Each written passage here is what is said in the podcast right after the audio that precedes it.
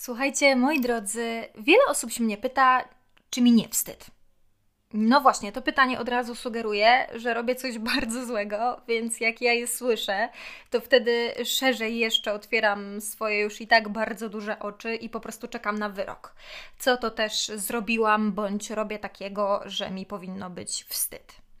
No a potem się okazuje, że tym wszystkim osobom chodzi o to, czy ja się nie wstydzę rzeczy, o których piszę i opowiadam tak otwarcie. No a przecież to niejednokrotnie są kwestie bardzo intymne, trudne, no i pewnie bolesne. I słuchajcie, jak ja słyszę takie pytanie, mm, czy mi nie wstyd, jak opowiadam o tym wszystkim, to we mnie rusza taka refleksja i się zastanawiam, dlaczego na przykład tym wszystkim instamodelkom, które na zdjęciach zrobionych amatorsko iPhone'em e, pokazują dupę, cycki, a niejednokrotnie nawet więcej, to dlaczego im nie powinno być wstyd, a mi, która po prostu gdzieś tam próbuje przełamać emocjonalno-mentalne tabu, już y, mogłoby być. I czemu ja w ogóle miałabym się wstydzić swojego dzieciństwa i tego, że no, nie miałam ojca, że pił w mojej rodzinie e, praktycznie każdy członek tejże rodziny, że doświadczyłam po prostu masy przemocy psychicznej i emocjonalnej. No, kumam, że mogłoby mi być wstyd, gdybym miała na to wpływ, a takowego jako e, dziecko no po prostu nie miałam, więc no, nie zamierzam się nigdy, ale to nigdy wstydzić swojej życiowej historii. Mm, ja świadomie się zdecydowałam, że będę o tym pisać i opowiadać, nawet jeżeli to jest czasami trudne, a uwierzcie, bywa takowe. No ja to robię po to, by pomóc innym. I słuchajcie, to działa, bo piszecie do mnie dużo i często, i naprawdę nic bardziej motywującego mnie w życiu dotychczas nie spotkało, za co jestem zresztą Wam bardzo, bardzo wdzięczna i mam nadzieję, że każdy z Was, który faktycznie odważył się do mnie odezwać, ma to poczucie, jak ważne, ważna ta kwestia jest dla mnie w tym, co robię. No a poza tym to pytanie, czy mi nie jest wstyd e, w kierunku do mnie, no to jest takie trochę głupie, szczerze mówiąc, no bo kto mnie zna, ten wie, że ja mam po prostu bardzo znikome, bo przepracowane latami poczucie wstydu. No ale to były naprawdę lata, lata pracy, treningu i samopoznania. Natomiast z natury ja w 99% przypadków jestem osobą bardzo otwartą, co się no generalnie nie pierdzieli w tańcu i wiele rzeczy, a zwłaszcza te wstydliwe rzeczy nazywam bardzo po imieniu. A poza tym też jestem osobą, która no, nie potrzebuje alkoholu, żeby się wydurniać, wygłupiać, za głośno się śmiać i czasami w trakcie tego śmiechu chrumknąć nawet. I można na ludzie ze mną chyba serio no, o wszystkim pogadać co bardzo często doceniają moje przyjaciółki, które się muszą koniecznie na przykład wyżalić ze swoich y, spraw łóżkowych. No jak już muszą się wyżalić i przyjdą do mnie, to wiedzą, że nie muszą wtedy y, z kolei wymyślać jakichś, nie wiem, no, metafor czy kamuflaży na niektóre części ciała, czy też wykonywane czynności. I słuchajcie, nawet jeśli ja y, swój wstyd mam opanowany, to to też nie jest tak, że nigdy się nie wstydzę, no albo nie mam jakichś granic prywatności czy intymności. Bo jeśli czegoś się naprawdę wstydzę, i teraz Wam o tym powiem, to wstydzę się tylko i aż swojej czarnej strony, która powstała w ramach mojego, no powiedzmy sobie otwarcie i szczerze, zjebanego dzieciństwa i masy kolejnych toksycznych doświadczeń. I słuchajcie, każdy ma swój dark side. Problem wstydu polega jednak na tym, że tego dark side'u w sobie nie akceptujemy i próbujemy za wszelką cenę go stłumić, wyprzeć albo ukryć bo się wstydzimy. Pamiętacie scenę Małego Księcia z pijakiem? Kuźma, nie podejrzewałam, że kiedykolwiek pojadę tutaj po prostu takim szlagierem, no ale trudno, jak trzeba, to trzeba. W tej scenie mały książę się pyta pijaka, dlaczego on pije. Natomiast pijak mówi, że pije, żeby zapomnieć. O czym zapomnieć? pyta mały książę. Pijak odpowiada o tym, że się wstydzę. A czego się wstydzisz? Ano tego, że piję, odpowiada pijak. Słuchajcie, wstyd jest przyczyną i skutkiem niemalże każdej emocji, z którą nie radzisz sobie teraz albo nie poradziłeś sobie kiedyś. Więc jeżeli chcesz zmian, musisz się mu przyjrzeć, jakkolwiek wstydliwe by to nie było. Zaprosić ten swój własny wstyd do stołu, polać kawki, herbatki, przestać go ukrywać czy eliminować. Bo bez okiełznania własnego wstydu niestety zmieni się niewiele. I słuchajcie, my nie znaliśmy wstydu jak, jako dzieci, dopóki ktoś nas nie zawstydził. No wiecie, jak to było za dzieciaka z takim niepohamowanym dotykaniem się tam, albo dłubaniem w nosie, albo pokazywaniem sobie majtek lub tego, co pod majtkami. No, a dorośli zawstydzali nas często nieodpowiednio i chamsko, błędnie nazywając to wychowaniem, i współcześnie z tego tytułu, jako dorośli ludzie, czujemy się zawstydzeni albo zawstydzani równie często lub częściej nawet. Bo każdy się wstydzi, ale nikt po prostu o tym nie mówi. Trochę się dostaje rodzicom w tych moich podcastach, bo niestety prawda jest taka, że to oni odpowiadają za większość lub chociaż sporą część tego, z czym się teraz borykasz jako dorosła osoba. Ale słuchajcie, żeby była jasność, mi wcale nie chodzi o to, żebyście piętnowali teraz swoje mamy i swoich ojców. Przede wszystkim proszę Was o jedno Zrozumcie, że jeśli oni popełnili błąd, to głównie dlatego, że ich kiedyś, tak, bo oni też kiedyś byli na waszym miejscu, ich kiedyś też tak potraktowano, albo ich po prostu nie nauczono. Dlatego, jako już dorośli ludzie, okażcie im jednak troszkę zrozumienia, zamiast teraz ich linczować i dosłownie błędy swoich rodziców traktować jako prostą, łatwą i wygodną wymówkę. Słuchajcie, zawstydzić kogoś można na przykład y, karcącym, pogardliwym spojrzeniem, parsknięciem, albo ujawnieniem sekretów przed innymi, jak to na przykład mają w zwyczaju rodzice na rodzinnych y, spędach, ubierając to w niby zabawne anegdoty. I nawet jeżeli jesteś mały, to kumasz, że wszyscy się teraz przy tobie z ciebie śmieją, że się obsrałeś na przykład. Zawstydza się też upokarzaniem, wymownym milczeniem lub właśnie mówieniem czegoś, czego się nie powinno mówić. Moja mama na przykład miała nawyk, że jak szłyśmy razem ulicą i kogoś spotkałyśmy albo gdzieś weszłyśmy, to przy tej osobie się mnie pytała: Powiedziałaś dzień dobry? Kurwa, Smoltak już trwa y, kilka minut, a ta sobie nagle przypomina i się pyta o to przy tej osobie. I nadal, co mnie teraz bawi oczywiście, ale y, nadal uwierzcie mi, y, ona potrafi mi, zupełnie całkowicie dorosłej kobiecie, w analogicznej sytuacji nadal zadać to pytanie. No, co jest żenadą totalną. I uwierzcie mi, że mi się to dzień dobry za dzieciaka tak wryło w banie, mi po prostu było tak wstyd, jak albo nie powiedziałam faktycznie tego dzień dobry, albo było mi po prostu wstyd, że mnie tak o to przy kimś pyta bezczelnie, że ja wciąż dosłownie wszędzie mówię dzień dobry. Przysięgam Wam, raz się przyłapałam na tym, że powiedziałam to głośno, wchodząc do autobusu.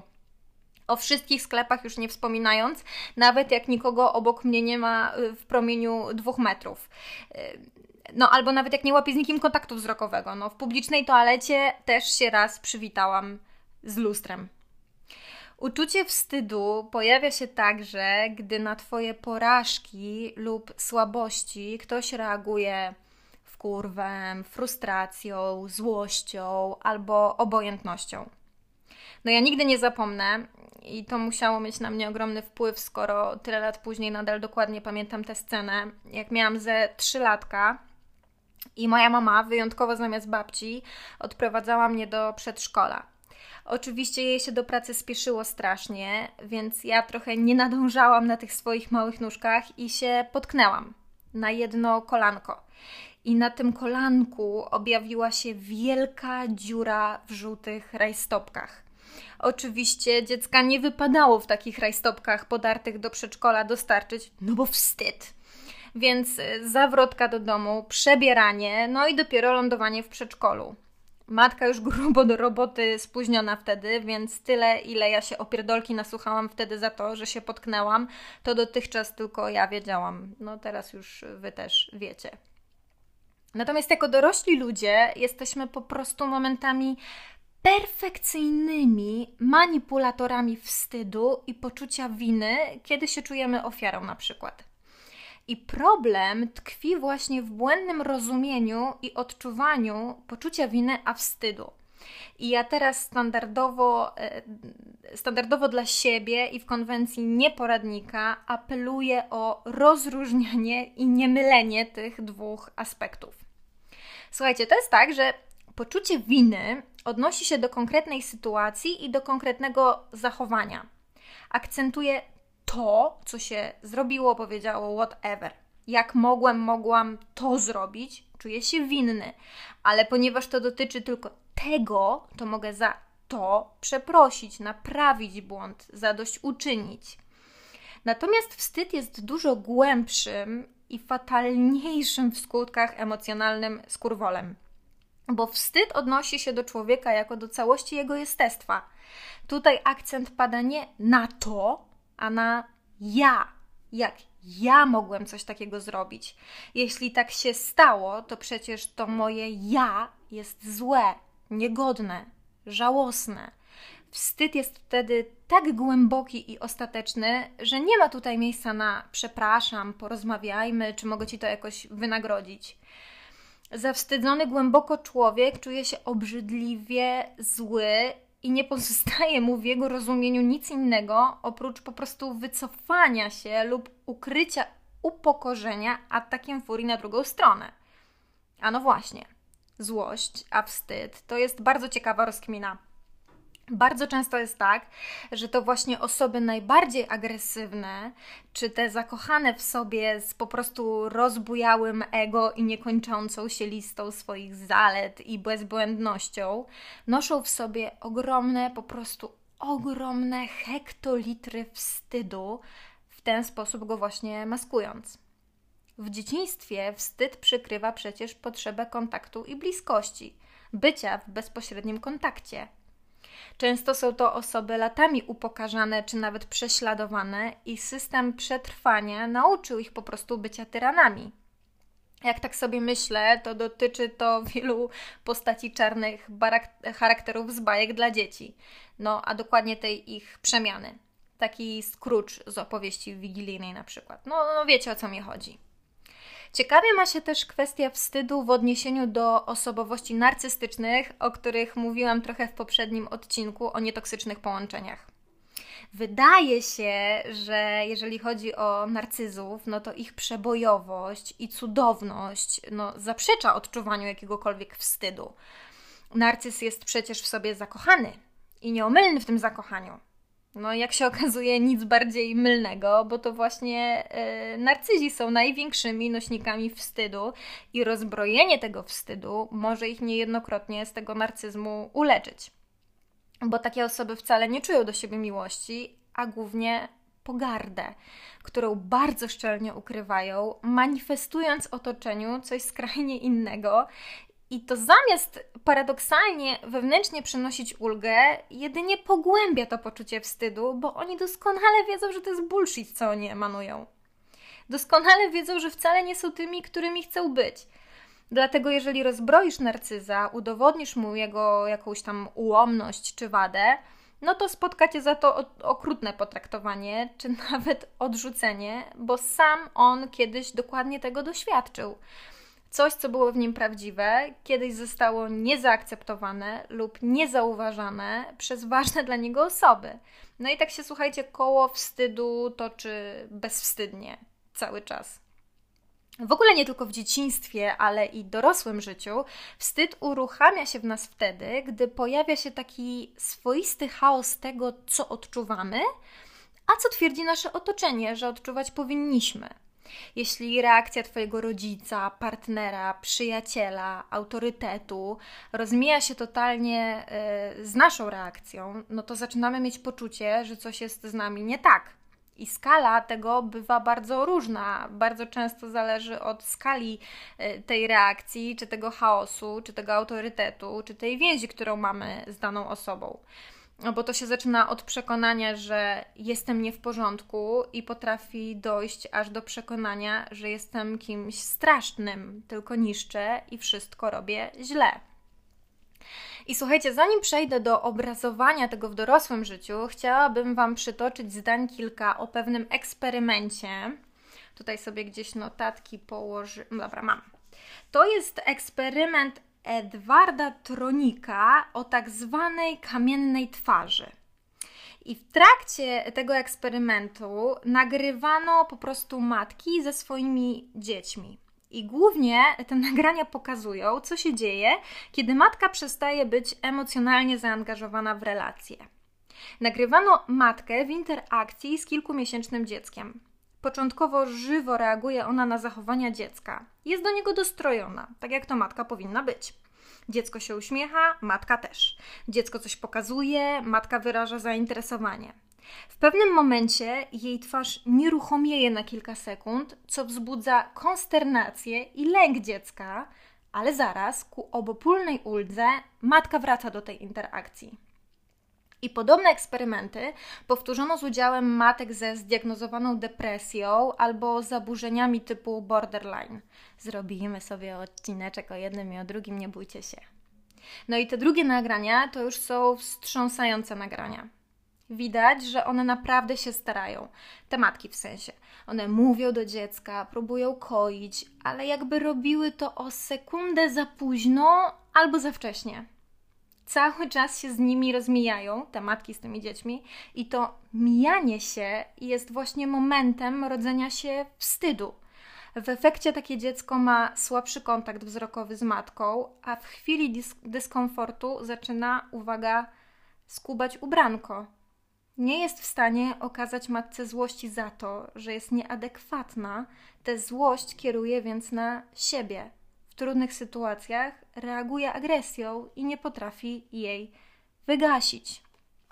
No to słuchajcie, na kogo potem wyrastają takie bidulki, co kiedyś skubały ubranko? Ano na przykład na te osoby, co od kilku lat próbują skończyć studia, ale wciąż, a i to wciąż sabotują samych siebie i nawet nie wiedzą, czemu ciągle im się nie udaje. No albo na tych, co czują, że muszą być dla wszystkich uprzejmi, choćby skały srały i na przykład tak jak ja wszędzie mówić dzień dobry, niezależnie od własnego humoru czy, czy zaistniałej sytuacji. No, albo wyrastają też na tych, co odkładają niektóre sprawy w nieskończoność. Na tych głęboko zawstydzonych, którzy chcą zniknąć, schować się, nie chcą nawiązywać relacji ze światem, sobą, kimkolwiek. No bo jeśli uważam, że sobie zasłużyłam i jestem potworkiem, bo na przykład mój tata mnie bił, albo mama pije, bo jestem zła i gdybym była lepsza i bardziej się postarała, to wszystko by się zmieniło, no to bliski kontakt z kimkolwiek przeraża mnie, bo się boję, że to się powtórzy. I osoby, które mają głęboko schowany i wyparty wstyd, to także osoby, które są po prostu niezawodnym magnesem na toksycznych partnerów i zjadające je od środka związki. Bo takie osoby oczekują dobrych rzeczy od złych ludzi i na odwrót. I są takie osoby bardzo podejrzliwe. Jeżeli ktoś jest życzliwy, to na pewno robi to, bo tak wypada, no albo ma jakiś ukryty cel. I na pewno prędzej czy później każdy w cudzysłowie dobry e, ich upokorzy i porzuci. Natomiast od zimnych, niedostępnych, zwalających winę i zawstydzających partnerów, często takie osoby spodziewają się niemożliwego, czyli właśnie akceptacji i miłości. Tak jak wtedy, gdy byli mali i tego nie dostali. I słuchajcie, żeby była jasność, moi drodzy, wstyd ma też swoją dobrą funkcję. To nie jest jedynie ograniczające czy wręcz patologiczne zjawisko. Tylko nam się tak współcześnie, no, pojebało trochę. Bo zdrowy wstyd świadczy o naszej dojrzałości, odpowiedzialności, znajomości granic czy intymności. Inaczej codziennie byśmy przy wszystkich, jako dorośli ludzie, dłubali w nosie, pierdzieli, głośno bekali albo uprawiali notorycznie seks w miejscach publicznych. Natomiast takie aktualne, natomiast aktualnie cierpiąc na głęboko zakorzeniony i wyparty wstyd jednostki, społecznie próbujemy to po prostu wręcz na siłę zatuszować bezwstydem, brakiem tego zdrowego wstydu. No dlatego to właśnie te dziewczyny na Insta zaczynają wyglądać jak gwiazdy porno. I nikogo teoretycznie to nie razi, że laska, która chce się wybić, pokazuje cycka albo tyłek. No albo coraz głupsze i coraz bardziej żenujące treści osiągają po prostu największe zasięgi i największe grona fanów i odbiorców. Byleby tylko zrobić coś podchodzącego pod brak y, godności czy też szacunku do siebie lub innych. No jest popyt na bezwstyd i to w czasach, w których wstydzimy się tego, co ludzkie i kruche, a nie wstydzimy się perwersji.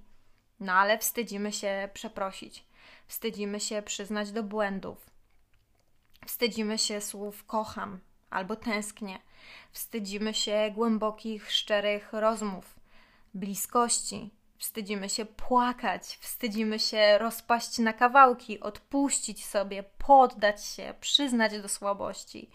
Wstydzimy się tego, co o nas mówią i tego, czego nie mówią. Wstydzimy się sami mówić głośno to, o czym myślimy. Wstydzimy się bać, śmiać bez krępacji. Wstydzimy się powiedzieć jej, jemu: Lubię w takiej pozycji, złap mnie tutaj i tak, dotknij wolniej, mocniej, pocałuj, to mnie kręci. I przede wszystkim, jako osoby mające masę e, terapeutycznych i psychologicznych możliwości, wciąż wstydzimy się pójść do kogoś i powiedzieć: Mam problem, potrzebuję pomocy, pomóż mi. Jak sobie właściwie radzić, słuchajcie, z zakorzenionym wstydem? Myślę, że przede wszystkim trzeba dać mu w końcu rację bytu, bo wmawianie sobie, że czegoś nie ma, nie spowoduje, że to faktycznie zniknie. No gdyby tak to działało, to wszystkie kobiety byłyby pozbawione fałdek na brzuchu albo grubych ud. Trzeba się, słuchajcie, z własnym wstydem dogadać.